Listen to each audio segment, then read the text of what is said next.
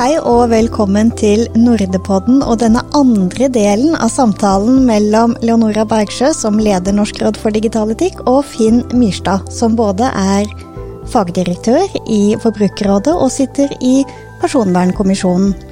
Som jobber med en offentlig utredning om personvernets stilling i Norge. Og jeg vet du også, Finn, har spesielt fokus på barn og unge. Det stemmer. Og så snakker vi altså om eh, manipulerende design. Mm. Si litt mer om det for de lytterne som kanskje har, har hørt del to for en for en liten stund siden. Ja, altså Manipulerende design er noe vi opplever i apper og på nettsider hver eneste dag. Eh, av og til så kan det være til eh, vår fordel, altså positiv manipulerende design. At tjenesten hjelper deg til å finne den informasjonen du ønsker, designe klikkflyten og sånn, gjør det enkelt for deg å komme videre.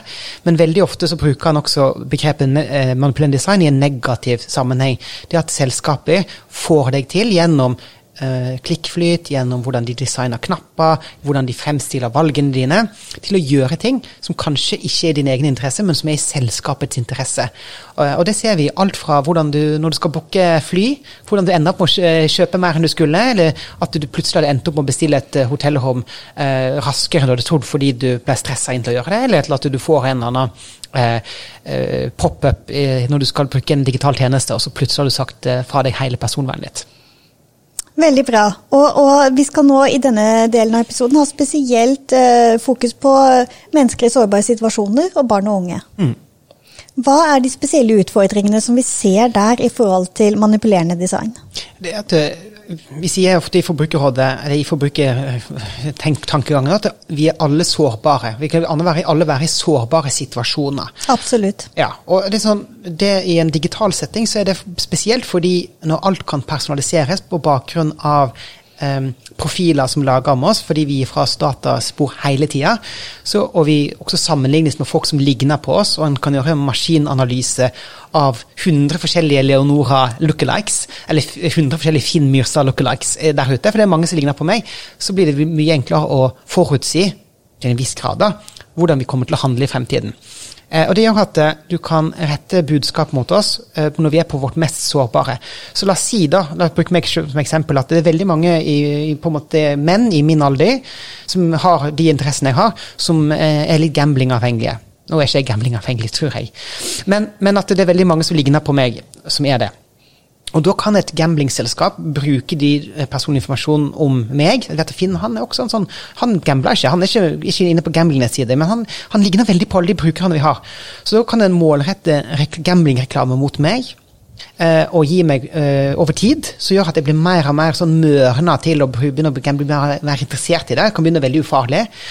Og så gir de meg et tilbud jeg ikke kan si nei til. Eh, og Så kombinerer du da med på en måte manipulerende design. Så kan jeg plutselig være låst inn i tjenesten. Jeg plutselig takker ja til en haug med vilkår. Plutselig begynner jeg å bruke penger uten at jeg engang skjønner det. Det kan være gjennom en app, det kan være gjennom et spill. Og plutselig så går pengene, og jeg er hooka. Så det kombinasjonen av persondata og manipulerende design gjør jo at um, jeg er ekstra bekymra for at vi er nødt til å ta tak i disse tingene nå på en alvorlig og, og systematisk måte. Det gjør jo dere i Forbrukerrådet. Vi prøver. Eh, så vi har jo hatt nå eh, et fokus på det vi kaller på engelsk dark patterns, eller manipulerende design, i tre-fire år. Um, og vi prøver å teste sakene juridisk. Vi har en klage mot Google, og så har vi en klage mot Amazon. Der vi både tester forbrukerlovgivningen og eh, personvernlovgivningen i Norge. Eller europeisk lovgivning, da. Så vi håper at det, det skal, deler av den paksen skal bli ulovlig, men utfordringa med lovgivningen er at den tolkes, og det tar lang tid før vi kommer til mål.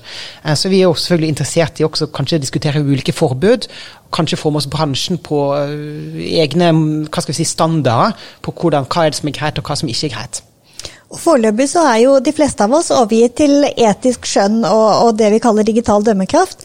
Nemlig at vi selv må vurdere hvordan vi kan oppføre oss eh, både godt og smart da, på nett. Ja, og det vil jeg oppfordre, som jeg sa i den forrige podkasten også, oppfordre alle til å på en måte Eh, selv om jeg vet at digital tjeneste ikke er liksom din primære uh, geskjeft. Det er det for ingen. Du skal gå i butikken, du skal lage middag, du skal være med venner, være med familie og sånn. Så når du åpner telefonen din, så er det for å skru av hodet og slappe av. Men det er jo det som er faren, da. Så digital dømmekraft må vi prøve å bruke. Tenke to ganger før vi trykker ja på ting.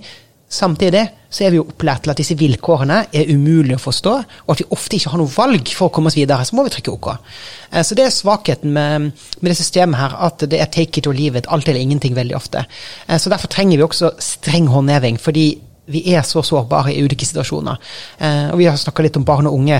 Vi er jo ekstra hva si, bekymra for at de kan utsettes for ulike manipulative teknikker. Da. Men når det er sagt, så er vi alle mulig, mulig offer for den type Eh, manipulasjon, som også foreslår å føle dumme og føle, føle, skam. Og Det gjør at det er vanskelig å, å få tak i disse problemene. Ja, for det du beskriver er jo hvordan eh, all informasjon om oss kan utnyttes til å finne de sårbare punktene som vi alle har på en eller annen måte.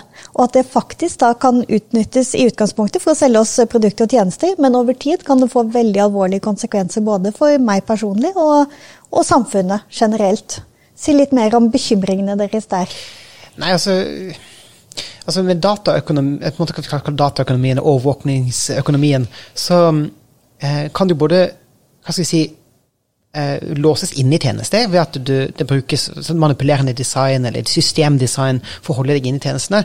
Men du kan jo da eh, f.eks.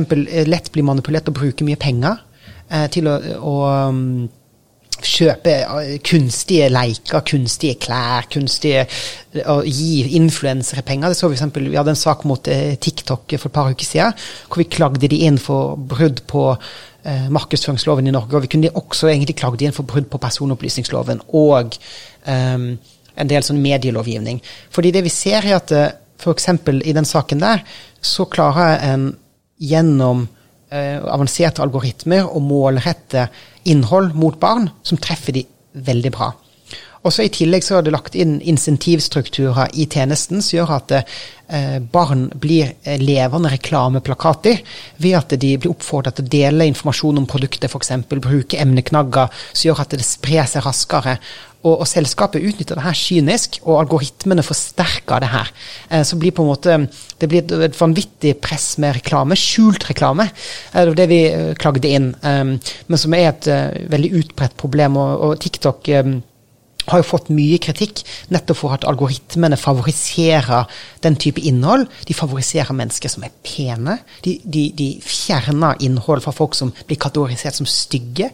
Eh, og du har sett også at eh, de har diskriminert folk på bakgrunn av hudfarge. Eh, så her er det et, eh, et selskap som fremstår i hvert fall står opptre ekstremt kynisk. Samtidig så er det en tjeneste som barn elsker. Eh, delvis kanskje fordi den er avhengighetsdannende, men også fordi den oppriktig talt også er en, er en kreativ plattform hvor barn og unge er sjefen. De får utfolde seg, de, de blir, kommer i kontakt med folk, de er kreative. Uh, så når vi jobber for mot TikTok, så er ikke det for å nødvendigvis legge ned tjenesten. Det er liksom som vi, uh, uh, vi kan ikke ta fra barna leikene sine, men det må bli en tryggere arena for barn og unge å ferdes på. På samme måte som at vi går til sak mot Facebook og Google og Amazon så vil vi ikke nødvendigvis at eh, forbrukerne skal endre atferd, selv om vi vil oppfordre til det i noen tilfeller. Så er det selskapene her som bryter loven. Så vi må på en måte ikke drive med sånn eh, victim shaming. For hvis vi tenker på det sånn, så er det jo egentlig barna som er ofrene her. Eh, så de må ikke nødvendigvis eh, ha dårlig samvittighet for at de er på de plattformene. Samtidig så må vi jo også ha digital dømmekraft inni det her. Eh, og det er den vanskelige balansen å, å finne. Mm.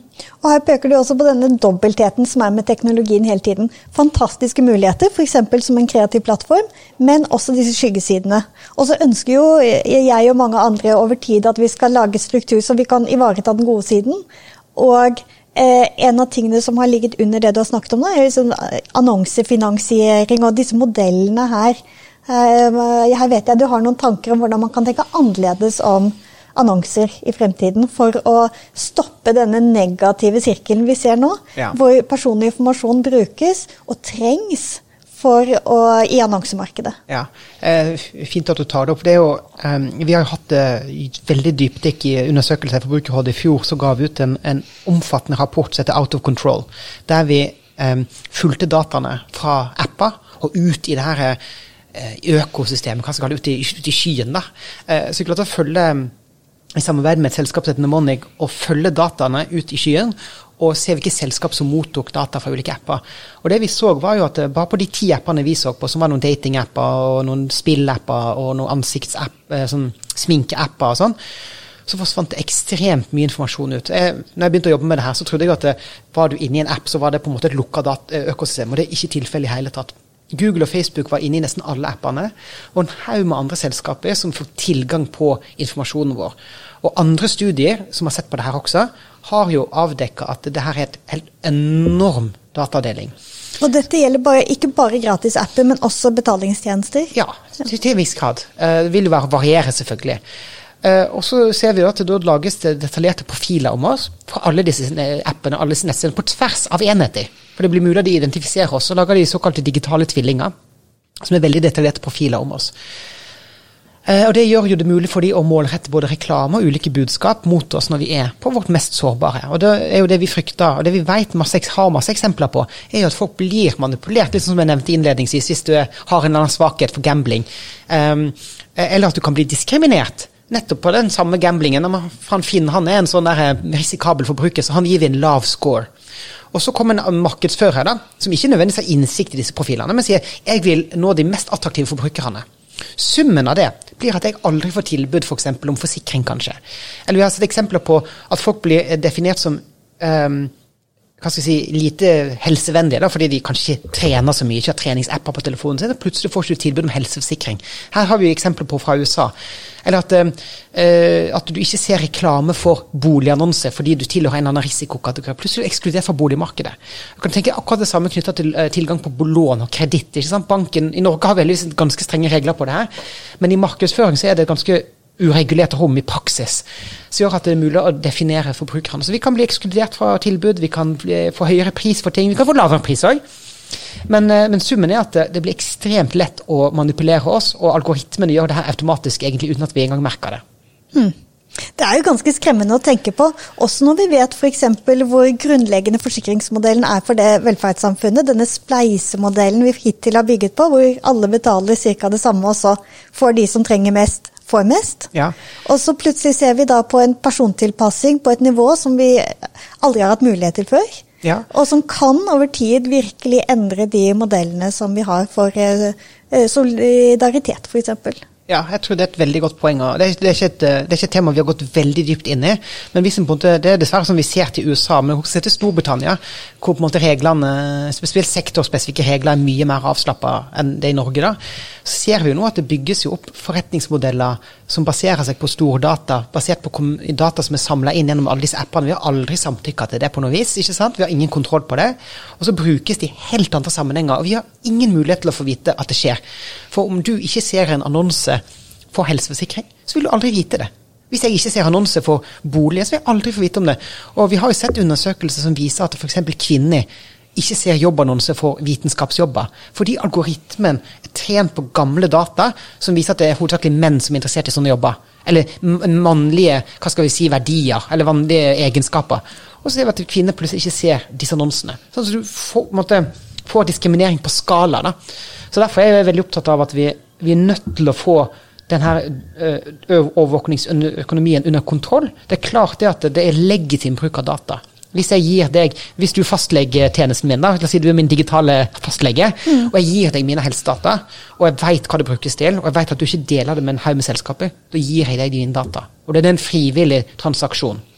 Men det vi ser i dag, hvis jeg bruker en sånn treningsklokke f.eks., så har jo undersøkelser vist at f.eks. Fitbit og andre har delt det her videre. At det kan brukes til alle mulige formål. Og da begynner det å bli skummelt. da. Så vi er nødt til å få kontroll på det. Og Et av de tiltakene vi diskuterer nå, da, er jo Vi har jo på en måte personvernlovgivningen. Den skal beskytte oss mot det her. Men det skjer ikke i praksis ennå. Vi har en del klager som ligger inne, og kanskje vi får koll med det. Vi, men vi vurderer at mens vi venter på at personvernlovgivningen virkelig skal håndheves, Kanskje vi skal diskutere et forbud mot personlig målretta reklame. Ja, det er Så, interessant. Ja, Og kanskje det vil da fjerne den vanvittige eh, pull-faktoren mot å samle mest mulig data. Da forsvinner litt av grunnlaget. Eh, Motargumentet mot det har jo vært at mange av tjenestene er jo eh, finansiert av reklame. Men vi sier ikke slutt med reklame. Vi sier at det, Kanskje det er visse typer reklame vi ikke vil ha fordi de etiske implikasjonene av å levere den reklamen er så enorme. Og um, fordi du må samle inn så mye data faktisk ulovlig, uten folks uh, viten og vilje. Og profilene om oss er så detaljerte at hadde vi sett de profilene, hadde vi aldri samtykka. Kanskje vi skal bli kvitt den modellen. Den er Den er, en, den er den er en giftig og farlig forretningsmodell. Og Vi har sett hvordan disse um, algoritmene kan brukes i å manipulere politiske valg, f.eks. Um, og så kan du bruke andre former for markedsføring, eh, f.eks. kontekstuell markedsføring, som kun baserer seg på de nettsidene du er på, f.eks. Leser jeg en eh, artikkel om forsikring, så får jeg reklame om forsikring. Selvfølgelig ikke en perfekt modell. og Du kan fortsatt se for deg at eh, forbrukere kan bli manipulert og diskriminert, men det er i hvert fall et mer gjennomsiktig system som ikke bryter med si, grunnleggende rettigheter, sånn som det systemet vi har i dag gjør. Mm. Veldig interessant, for det er jo noe med noen fenomener har alltid vært. Det er ikke spesielt for den digitale verden. Det er ikke sikkert vi blir kvitt den i den digitale verden, men det vi ser med algoritmene, er jo at de forsterker mønstre. Ja. Sånn at hvis vi kan stoppe den forsterkningen, så har vi i hvert fall gjort noe. Ja. Og jeg bare tenker, hvis jeg søker jobb, og, og som kvinne ikke vil vises noen uh, type jobbkategorier av algoritmene, men å være på en jobbsøkeside er nok til å få de annonsene, mm. da har vi kommet mye lenger. Ja. Så det er en interessant tanke. Jeg sitter og tenker på, nå er det snart valg. Eh, kunne vi utfordret de politiske partiene til å ikke drive med målrettet reklame? Ja. Er vi der? Ja, jeg synes det var spennende. Men så vet jeg samtidig at partiene er veldig opptatt av det her. Men jeg tror det, det de kan gjøre, er i hvert fall å sette veldig tydelige grenser for hvilken målretting de gjør. For Så lenge vi har den muligheten, så tror jeg det er vel vanskelig for de å bare si 'jeg vil ikke'. fordi da må alle gjøre det, da. Vi kunne jo utfordre det, vi vil ikke bruke disse, denne mikromålrettinga, f.eks. Uansett, det er en morsom utfordring. Ja, og uansett så syns jeg det de burde gjøre, er å offentliggjøre alle annonsene de bruker. For det er jo, når vi har et sånn eh, individuelt eh, basert markedsføringssystem, så er problemet at folk som oss, da, som er en sånn vaktbikkje, vi vet ikke at annonsen er der. Forbrukertilsynet, som skal få tilsyn med det her, vet ikke at annonsen er der. Under brexit-valget i 2016 så var det jo det vi kalte dark ads. At det var ingen som oppdaga at det ble sendt massiv manipulasjon med faktisk falsk informasjon og villedende informasjon om f.eks. innvandring fra Tyrkia. Det var feil. Um, men det var ingen som oppdaga det, for det ble kun sendt til de menneskene som hadde blitt definert som innvandringsfiendtlige hermetegn um, utafor London-boblen. ikke sant? Og plutselig så, så, så, er det masse forskning som gjør, viser at det, det viser at det her kanskje ikke var så enkelt, at det, det var det som avgjorde brexit-valget. Men, men, men det, muligheten til å gjøre det vil jo bare bli større og større dess mer vi, vi beveger oss inn i det. Så jeg tenker jo at et, et, et forbud mot det her er spennende å diskutere. Eh, og at vi er nødt til å ha en åpen diskusjon om det. Så Partiene bør i hvert fall offentliggjøre annonsene sine. Det burde egentlig alle markedsførere gjøre. Og de burde også offentliggjøre hvilke segmenter de retter det mot. Eh, for det vil jo gi oss en indikasjon på hvor, om, det, hvis, om, det, er manipulerende eller ikke. Ja, for det vi snakker om nå er jo åpenhet. Ja. Ikke sant? For å vinne tillit dette, disse annonsene har vi, det, vi, det tåler dagens lys og VG-testen og etisk vurdering. Nettopp. Og vi er stolte på det. Ja, og det tenker jeg Facebook og Google også burde gjøre. De, de gjør det ikke i dag. De har, de, har, de har, et bibliotek for politiske annonser, men de burde hatt bibliotek, åpent bibliotek for alle annonser. Dette er spennende tanker. Vi skal ta avrunde, men jeg har lyst til å avslutte med, for nå har vi snakket noe om hva politikere kan gjøre, eh, hva sterke eh, vaktbikkjer som, som, dere kan gjøre. Hva kan den enkelte brukeren gjøre? Nei, altså, sånn, det, det, er ting vi kan gjøre. Eh, og så vil jeg bare si en sånn disclaimer. Det er veldig lite vi kan gjøre i, til syvende og sist må beskytte oss. Men det er enkle ting vi kan gjøre allikevel. Og det kan være eh, når du skal slutte, avslutte en konto eksempel, på en tjeneste, så sletter folk bare appen. Eller de lar bare appen gå ut på dato. Men slett, avslutt kontoen først, og så sletter du appen. Eh, hvis du skal laste ned en, eh, en ny app, eh, gå sakte gjennom eh, installeringa, og ikke gi fra deg ting som kontaktlista di.